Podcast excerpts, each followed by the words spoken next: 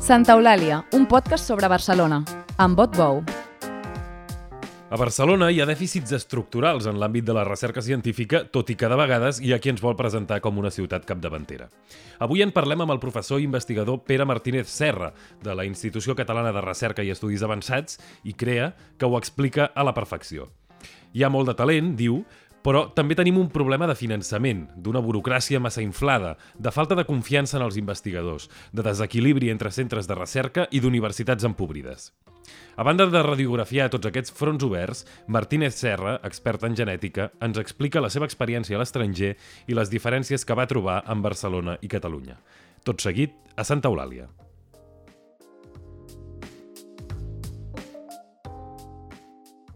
Professor Pere Martínez Serra, benvingut a Santa Eulàlia. Moltes gràcies. Ens fa, Gràcies ens fa molt de goig tenir-lo aquí. Avui volíem parlar de recerca, d'investigació, uh, i volíem començar fent-ho uh, perquè, perquè és una mica exemplificador, uh, explicant la seva experiència personal, el seu cas personal.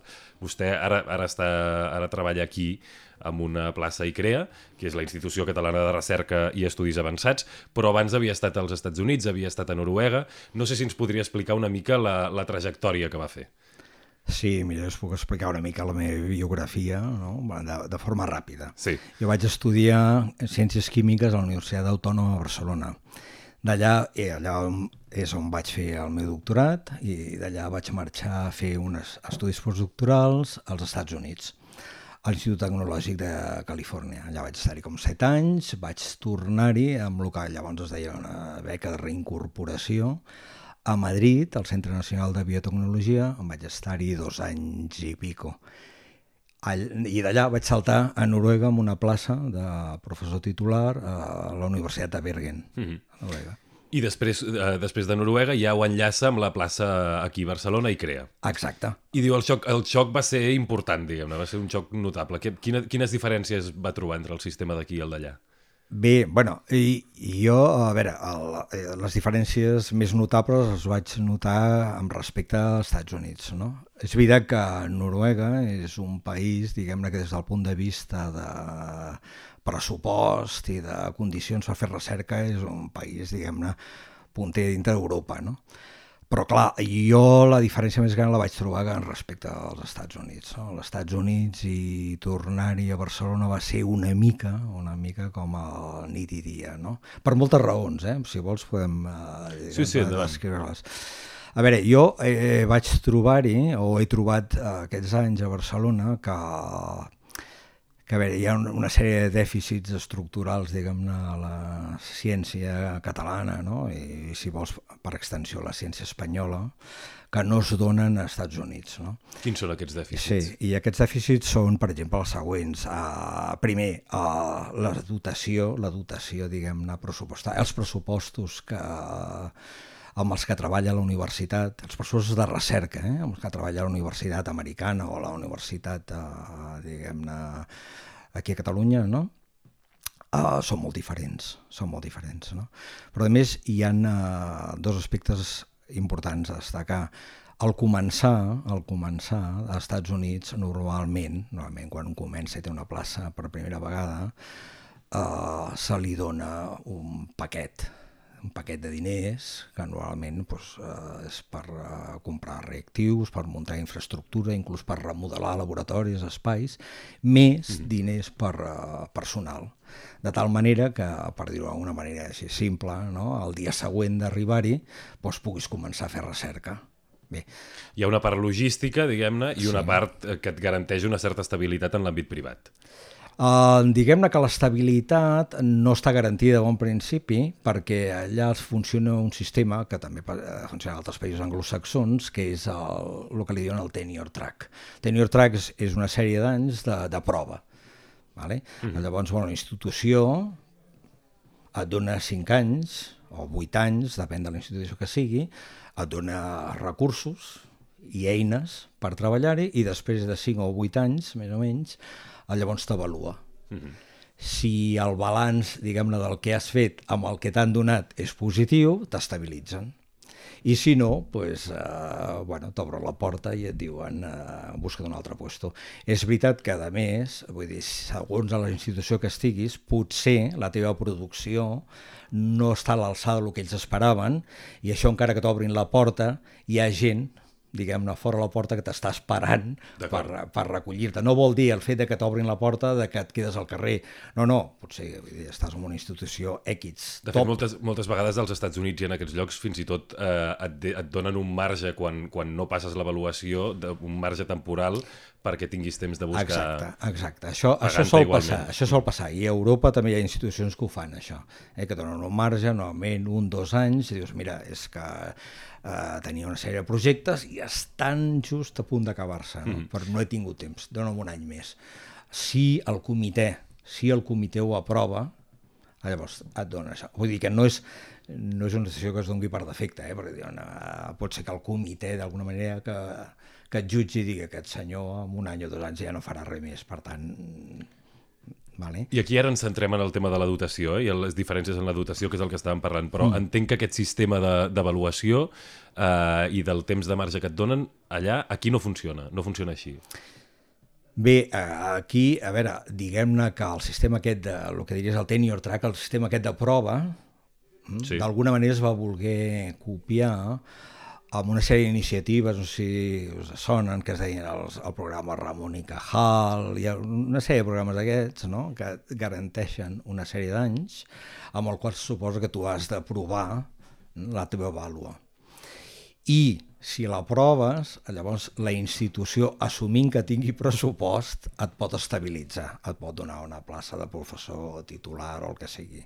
Vull dir que el sistema en principi estava. Què passava? Que aquí eh, pots entrar-hi com a Ramon i Cajal i en principi no tens garantida, eh, no tens garantida l'estabilitat, però, és, però eh, el que és més greu és que no tens cap eina, et donen com a molt, bueno, donen allà una taula i una cadira, seu, i ara comença a fer recerca, no? Clar, eh, sí, és evident que, vull dir, evidentment, eh, pots acabar aconseguint projectes del Ministeri, de la Generalitat, etc etc. però això normalment triga un, dos anys. Vull dir que sols tenir un, dos anys que poden ser morts. Mm -hmm. Clar, que això, que deia, eh, això que deia allà de que no, no, no et quedes a la intempèrie, en el cas dels Estats Units, si et diuen que no passes l'avaluació, aquí d'alguna manera entenc que ja passa d'entrada. És a dir, que, no, que, no, que vens amb menys armament, que vens amb menys eh, amb menys infraestructura, sí. amb menys suport logístic com per començar a fer recerca. Aquí fonamentalment arribes amb una val davant i una altra al darrere. Vale? Què passa? Que el sistema és una mica pervers, el nostre. Per què? Eh, el nostre sistema és una mica pervers.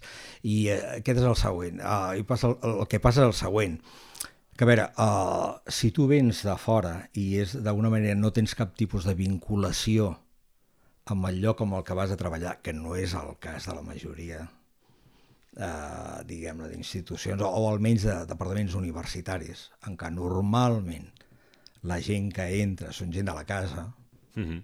vale? si, si no tens cap tipus de vinculació prèvia, llavors sí que estàs a la intempèrie. Perquè, clar, tu arribes mm, i en principi bueno, ets un desconegut allà, i has de muntar, diguem-ne, la teva línia de recerca pues, de zero. Allà no tens cap vincle, no tens cap coixí, Clar, què passa? Hi ha molta gent que el que fa és que se'n va fora i després torna val? i es presenta a places normalment, normalment, cada vegada menys, eh? però normalment al departament del qual han sortit. Què vol dir això? Que tu tornes a treballar amb una línia, clar, que és la teva línia, amb la que tu t'has format, clar. Eh, per la qual ja hi ha infraestructura del teu jefe... De, ja tens una xarxa de, perquè és, és, és, com tornar, és com tornar una mica a casa. Exacte. Tenim, tenim un problema estructural de fuga de cervells amb recerca científica aquí a Barcelona i a Catalunya? Tenim... No, jo crec que tenim molt bona gent, molt bona gent que ha tornat. Vull dir, el, el que passa és que, evidentment, també tenim molta gent a l'estranger. I jo això d'alguna manera ho aplaudeixo. Eh? Vull dir, jo crec que està bé Vull dir que nosaltres, els catalans, ens movem pel món i ens establim a, a totes les institucions, diguem-ne, punteres del món. Mm. Perquè eventualment, bueno, aquesta gent sempre té un vincle a casa i sempre d'alguna manera hi ha un cert retorn. Si no, si no diguem-ne, com a publicacions com idees, són gent que, per exemple, els seus països, diguem-ne, on treballen, rebran estudiants nostres, etc etc etc. Vull dir que tenim, d'alguna manera, és, és, és és indirecte, però hi ha un cert guany. Clar, hi ha un indici que, que, que tu com a país participes al món, diguem. Exacte, exacte, jo ho has posat molt bé. Vull dir, nosaltres d'alguna manera hem de participar. Si nosaltres d'alguna manera tinguéssim tot el personal col·locat aquí, eh, seríem invisibles. I això des del punt de vista, diguem-ne, eh, de la ciència, vull dir que és, és una activitat internacional, vull dir, és una activitat uh, global, mm -hmm. vull dir, avui en dia vull dir, això és, et dona una imatge pobra de tu, ho entenc, vale. però això no és incompatible amb que aquí hi hagi, hi hagi aquests, aquests dèficits eh, sistemàtics que vostè deia i que provoquin sí. que hi hagi un problema de, de personal o d'arrelament o d'aspiració de, de gent de fora, per exemple, de venir cap aquí. Exacte. bueno, jo crec que també eh, aquí és veritat, hi ha un altre factor que, i això d'alguna manera estic assabentat per, pel fet de ser i crea, no? I és que normalment, normalment a les universitats, diguem-ne, o als hospitals, centres de recerca, i sol haver-hi sol haver-hi moltes dificultats per entrar-hi si ets estranger. Mm -hmm. Fonamentalment són qüestions de tipus burocràtica. Eh? Ah, sí? Hi ha unes són de tipus burocràtiques. L'altra, com que diguéssim que encara eh, hi ha la cultura aquesta, diguem-ne, de, de, dels amics, del, de la comunitat aquesta una mica, diguem-ne, local, no? Clar, també es fa una mica impermeable al de fora. Vull dir, Vol dir que el món científic català funciona massa per capelletes, entenc. Hi ha una fracció important que encara ho és, i això d'alguna manera eh, fa impermeable l'entrada de gent però no, no és necessàriament impermeable respecte de l'estranger, eh? vull dir, pot ser impermeable diguem per un senyor que ve de la Universitat de Girona, a Barcelona, o per un senyor que ve eh, de la Central i vol anar a l'Autònoma de Barcelona. Vull dir, a veure, eh, jo una vegada vaig sentir, vull dir, és una exageració, no? però pel fet de que havia estudiat a la Universitat Autònoma de Barcelona, a la Central era l'estranger, l'estranger, era un senyor de fora de la casa, no? Un se... Clar, uh, Home, això... El nivell que... de sectarisme, doncs. Sí, bueno, ha millorat molt, eh? Ha millorat molt durant... A veure, jo porto ara aquí uns 20 anys i la veritat és que avui dia estem començant a contractar gent que no té vinculació prèvia amb el departament, però això fa 15-20 anys era molt poc comú, no? Jo crec, jo crec que encara a molts llocs ho és, jo miro, uh, tinc amics en molts departaments, eh? vull dir, clar, vull dir, soc grandet, i tinc amics que s'han anat col·locant en molts departaments, la major part d'ells estan en els departaments dels que van sortir. Si mires la composició del professorat de determinat departament, a la Universitat Autònoma, per exemple, jo vaig estudiar, és que són tot gent d'allà. Mm -hmm vale? que en diferents generacions, etc etc. Vull dir que una part d'això n'hi ha. Evidentment, Uh, si vols m'extenc una mica més. Sí. Uh, això una mica lliga amb el fet de que no hi hagi finançament sí, per començar-hi, que és el que et deia abans. Clar, si tu has d'arribar-hi o has d'aterrar en un lloc amb el qual no tens cap tipus de vinculació, vale? no hi ha línies de treball que siguin similars a la teva, comences realment de zero amb zero amb 0 euros. Mm -hmm. És a dir, ten, tens el triple problema, de, el problema burocràtic, el problema de la impermeabilitat, diguem-ne, sí. social o laboral, sí, sí. i el problema de que nosaltres, com a, com a país, o les institucions, o els centres de recerca catalans i barcelonins, no ofereixen prou diners en els científics perquè es quedin a fer recerca. Exacte, però jo crec que, oh, clar, el problema després és qui hauria de donar, qui hauria de donar aquests cèntims, no? Mm -hmm. Ah, les universitats, les universitats nostres, el que jo he vist durant aquests 20 anys és, són universitats molt pobres, en general. En quin sentit pobres? Pobres amb el sentit de que tenen un pressupost negligible per recerca associat als departaments. Eh? Clar, jo, diguem-ne que la major part dels departaments amb els que tinc contacte, diguem al món anglosaxó, tenen pressupost intern. Vull dir, tens un pressupost al departament tal de la Universitat de Viena, cada any arriben 200.000 euros de pressupost per recerca al departament. Nosaltres aquest pressupost no el tenim. No el tenim, tenim, bueno, tenim una cosa ridícula, són 200 euros o alguna cosa per grup de recerca. Vale? De veritat, 200 euros per 200 quant, euros, per més, quant o menys, de temps? més o menys. No, per, per any, per any. Suposo que cobreix les fotocòpies i alguna cosa d'aquestes, no? Però, o, o si et vols comprar un llibre o alguna cosa d'aquestes. Però no tenim un pressupost propi Però de és que no, recerca. no hi ha ni la voluntat de fer-ho. Bueno, clar, eh, qui dota això suposo és la Generalitat o via Estat o Estat via Generalitat, el, el, però el, el fet és que les nostres universitats, des del punt de vista diguem-ne de pressupostos de recerca, estan descapitalitzades, no, no hi ha peles. I per tant, mm, clar... eh, És impossible que les coses cristal·litzin, no? Que, que... No, i a més, clar, és aquestes universitats, diguem del món anglosaxó, que t'ofereixen aquest pa paquet com de començament, ho fan del seu pressupost propi, mm. perquè tenen un pressupost propi. Evidentment, si són universitats, diguem-ne, d'aquestes top, tenen un pressupost brutal. Vale? I això, clar, es reflecteix que els laboratoris, diguem-ne, a determinades universitats són fantàstics. Clar. I altres universitats, diguem-ne, que no són tan... que no estan a dalt de tot, diguem-ne, dels rànquings, doncs potser t'ofereixen menys.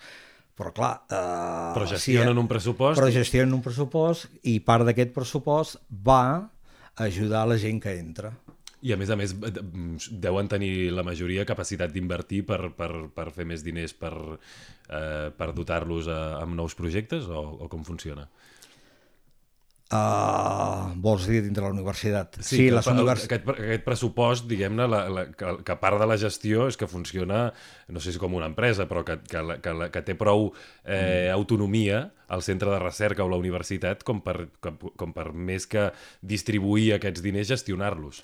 Bueno, sí, exacte, exacte. Jo crec que uh, alguns països anglosaxons el que fan és que, clar, aquest pressupost que tenen, evidentment, vull dir, tenen... Uh, no s'ho gasten tot de qualsevol manera, no? Mm -hmm.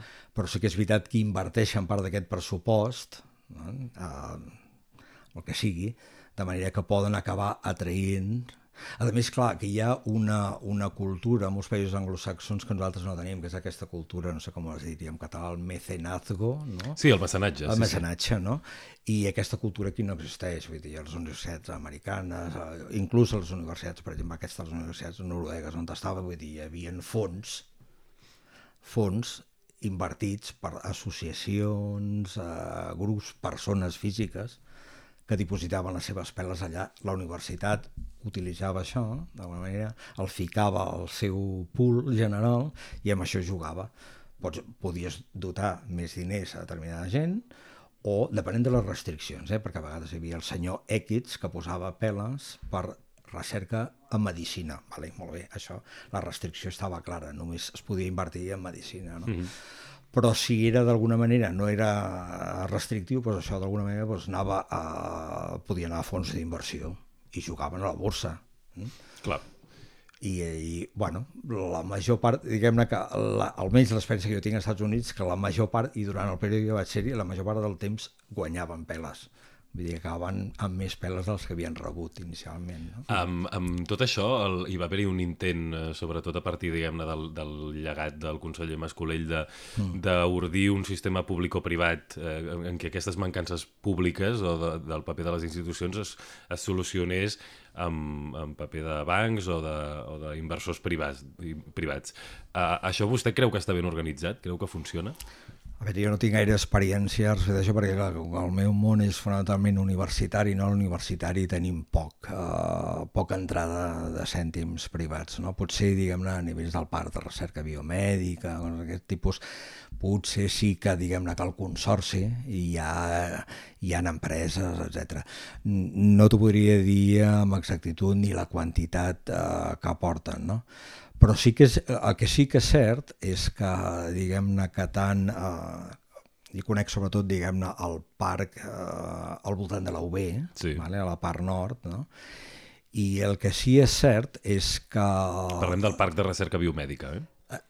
Eh Bueno, el parc de recerca biomèdica em sembla que és el que està a Mar. Sí, ah, és el de l'Hospital del Mar, parc, correcte, sí, sí. Exacte. El parc després, científic. El científic, exacte, que és sí. el que està a dalt, a diagonal. Sí. El parc de recerca biomèdica és eh, Generalitat, Ajuntament, Pompeu Fabra i Hospital, eh, Hospital del Mar. Exacte, Vostè exacte, parla del científic. De l'altre. Jo dic que l'altre ha sigut un incubador bastant eficient d'empreses. De, i per al que jo conec, per al que jo conec, eh, vull dir, hi ha una relació relativament fluida entre algunes d'aquestes empreses i els grups de recerca que viuen al seu entorn. mm, els grups de recerca, diguem-ne, tant del, del IRB, per exemple, que és el centre que està de recerca biomèdica, com el CSIC, etc. tots aquests centres, al voltant de les empreses, vull dir, hi ha un cert caliu. Mm -hmm. Imagino que vull dir que a, a Mar deus ser algo similar. I en aquest sentit, jo crec que vull dir, les coses van millorant. A veure, eh, fa 20 anys eh, l'empresa privada, diguem-ne, o l'empresa, diguem-ne, dintre de la meva àrea, que seria, no sé, biotecnologia, si vols dir d'alguna manera, o recerca biomèdica, eh, no existia pràcticament, no? I ara, en canvi, veus calius, veus empreses que amb surten allà com a bolets. S'ha posat les piles amb el sí, tema de la recerca sí, biomèdica. Sí, sí, exacte.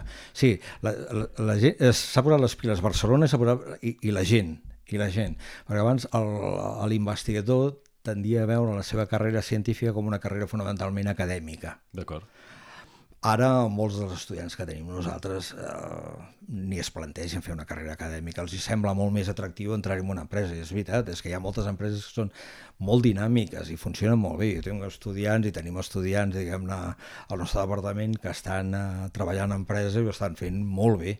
Mm. Molt bé. És puntera Barcelona amb això o simplement ens hem posat una mica més les piles uh, i ja està? Home, jo crec que ara mateix puntera, puntera, vull dir, hi ha, jo diria que hi ha altres llocs, diguem-ne, que estan, eh, diguem estan una mica més avançats, però el que sí que és veritat, és, vull dir, és que, és, és que ha crescut de, de forma molt ràpida i, de for i, i molt bona. Qui ho ha impulsat, jo crec això? que hi ha... Digui, digui, perdoni. Ah, no, jo crec que això, eh, bueno, deu ser una mica, eh, ha confluït, diguem-ne, una mica els interessos públic-privats a Barcelona i s'ha creat una certa cultura i, i és, és d'alguna manera, és, és un sistema que es va retroalimentant, no? Al principi van ser dos o tres pioners, Mm? Clar, hi havia les condicions, per exemple, aquí, els, els parcs de recerca, no? hi havia determinades condicions i la gent va dir, hosti, anem a provar-ho anem a provar-ho. Uh, a molta d'aquesta gent li ha anat relativament bé, altres han desaparegut, no? Però alguns d'aquests els hi ha anat bé. Aquests han creat un cert caliu i han atret altra gent i aquesta gent mm, va venint, va venint i, i, i de fet pot ser, pot ser que, que acabin sent una, una gran part, diguem-ne, de l'activitat de recerca, per exemple, al voltant de la UB, sigui fonamentalment d'origen empresarial. Uh mhm. En aquella àrea. Mm? A nivell intern, per això, és a dir, ja, ja entenc que el moment és de, que hi ha hagut un canvi d'actitud, però a nivell de, de, de gestió interna, el Parc de Recerca Biomèdica de Barcelona funciona bé? A nivell de recursos, a nivell de... Uh, jo crec, jo crec que sí, jo crec que sí. Clar, per exemple, el, el parc, diguem-ne, uh, hi ha... A veure, des de l'època Mascolell, l'època de Mascolell. Mascolell va fer dues coses, no? algunes que m'agraden més i altres menys. No? Una de les coses bones que va fer, per exemple, va ser el programa aquest del qual participo i crea, no? amb el qual d'alguna manera va afavorir l'entrada de gent que fos una mica externa al sistema, en particular estrangers. Perfecte. Això ha revitalitzat el sistema, l'ha fet més fresc, l'ha fet més internacional i més obert. Mm -hmm. Perfecte. Després l'altra cosa que va fer, eh, una idea que tenia Mascolell, va ser generar una sèrie de centres que estiguessin d'alguna manera ben finançats, que són els centres que es diuen CERCA. Vale? I aquí hi ha centres, doncs, des dels centres aquests que hi ha a la zona de mar, el CRG, tal, a dalt hi ha l'Institut de Recerca Biomèdica, hi ha l'IBEC, Institut de Biotecnologia, ha l'Institut de Biotec, però l'IBEC és el de materials, no? però hi ha també centres a Castelldefels, el de fotòniques, etc, l'Institut de Ciències Químiques, etc. Hi ha una sèrie d'instituts d'aquests que van néixer i van néixer molt ben dotats. Van néixer amb pressupostos propis, allò que dèiem que la universitat no té. I amb col·laboració público-privada. Amb, sí, exacte. Exacte, perquè a més, clar, eh, molts d'ells tenen un enfoc, diguem-ne, molt més aplicat és a dir, que hi havia, una, hi havia una voluntat de canviar la, la tradició que hi havia aquí en l'àmbit de recerca, sí, que dèiem abans. Sí, havia, bueno, uh, tradicionalment jo me'n recordo des de que estudiava, no? sempre el, el gran problema a Catalunya era que l'empresa, i suposo en, en gran part encara ho és, eh? que l'empresa no feia recerca. Tu mires els pressupostos de l'Estat i vull dir, el que anava, diguem-ne, a enfortir la, la recerca a les empreses, no hi havia manera, no hi havia manera que ningú volgués fer res, la gent preferia comprar una patent o, o vendre medicaments i punto, i ja està, i amb això en teníem prou, no? Res de risc. No? no, jo crec que aquesta cultura ha canviat una mica i en part, bueno, vull dir, hi ha, hi ha aquesta idea de, de posar-hi cèntims en determinats centres de recerca, vale? i aquests centres de recerca diguem que tenen una visió una mica més, uh, diguem, més viaixada, més cap a l'aplicació, uh, pues, uh, són d'alguna manera un pont, un bon pont amb l'empresa privada. Cosa que la universitat segurament perquè tampoc ho ha de fer-ho Uh -huh. La universitat viu amb el seu món i diguem-ne més de recerca bàsica, de problemes fonamentals, de problemes del coneixement, conèixer el món en general, no, no necessàriament algú que condueixi a generar una patent, etc etc. Aquest, eh, això ho fan més els centres de recerca aquests, i aquests, eh, ja et dic, eh, el més més bo que es va fer va ser dotar-se de pressupost propi. Mm. Ah, Vostè deia, hi, hi ha unes coses que, que va fer bé Mascolell, que són aquestes que ha dit, i unes coses que potser no m'agraden tant. Bueno, a, a veure, el que passa, el que passa és que jo crec que el, el resultat, diguem-ne, d'aquesta inversió, eh, que és una inversió multimilionària eh, amb aquests centres de recerca, ha generat, ha generat un problema, ha, generat, és una mica, si vols, eh, és una tendència general del capitalisme en general, no? Ha generat que una sèrie de centres, molt pocs centres, són cada vegada més rics i hi ha una gran quantitat de gent que fa recerca, departaments, laboratoris, que són cada vegada no, no més pobres, però que estem a una distància cada vegada molt més gran respecte d'aquests. Una... S'ha descompensat molt el sistema. Sí, diguem-ne que el, si mira un, si dirés d'alguna manera la distribució d'inversió, no? és, bueno, hi ha una massa, diguem-ne, relativament gran de grups de recerca o de centres de recerca que treballen al límit, per dir-ho manera, i després hi ha una sèrie, uns poquets centres, no? que, que treballen en unes condicions que diríem que són molt competitives i molt bones. No? Jo, crec, aquest és el problema. jo crec que aquest és un problema, que hem generat una... Eh, un, com diríem, un, un desequilibri. un, un desequilibri, un desequilibri molt gran, diguem-ne, entre el que és la investigació tradicional universitària i el que són aquests centres. Una mica, sí. I aquest desequilibri impedeix, diguem-ne, que l'actuació o, o que puguem ser una, una ciutat pionera en termes generals, que hi hagi comunicació entre, diver, entre els diversos centres, les diverses entitats, les diverses in, institucions. A veure, jo crec, jo crec, que, jo crec que hi ha una, una lògica... Veure, jo crec que hi, hi ha poca comunicació entre aquests centres diguem entre aquests centres d'elit, si vols dir-li, o d'excel·lència, mm. si vols dir-li, i la resta. Entre altres coses perquè és que no els hi fem falta. Però quins són aquests centres d'elit, per exemple? Ah, això, posar un parell de noms. Sí, el CRG, per exemple, de Regulació Genòmica, és un centre fantàstic, l'Institut de Recerca Biomèdica, que està a mm, l'UB, és fantàstic, l'IFCO, que està a Castelldefels, que fan fotòniques, és molt bo, eh, hi ha una sèrie d'aquests l'IBEC, que fan nanotecnologia, són molt bons, tenen un pressupost mm, sòlid, cada any i, moltes, i molt bones condicions. I aquests, evidentment, poden treballar a un nivell, diguem-ne, al nivell de l'elit mundial. Mm, per què has de col·laborar amb el pobret que està al costat teu si et pots relacionar-te amb l'elit i això no està bé?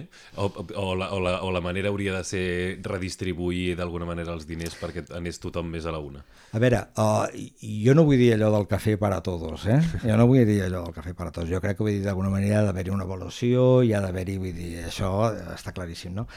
El que jo moltes vegades poso un exemple que no sé si és encertat, que és un, és, és un símil allà ecològic per dir-ho d'una manera ecològic, un, un ecosistema. Si tu tens un ecosistema amb el qual tens només quatre arbres grossos i no tens sotobosc, allò eventualment, bueno, sí, els arbres grossos es veuen i són molt macos, però eventualment allò no s'aguanta. Mm.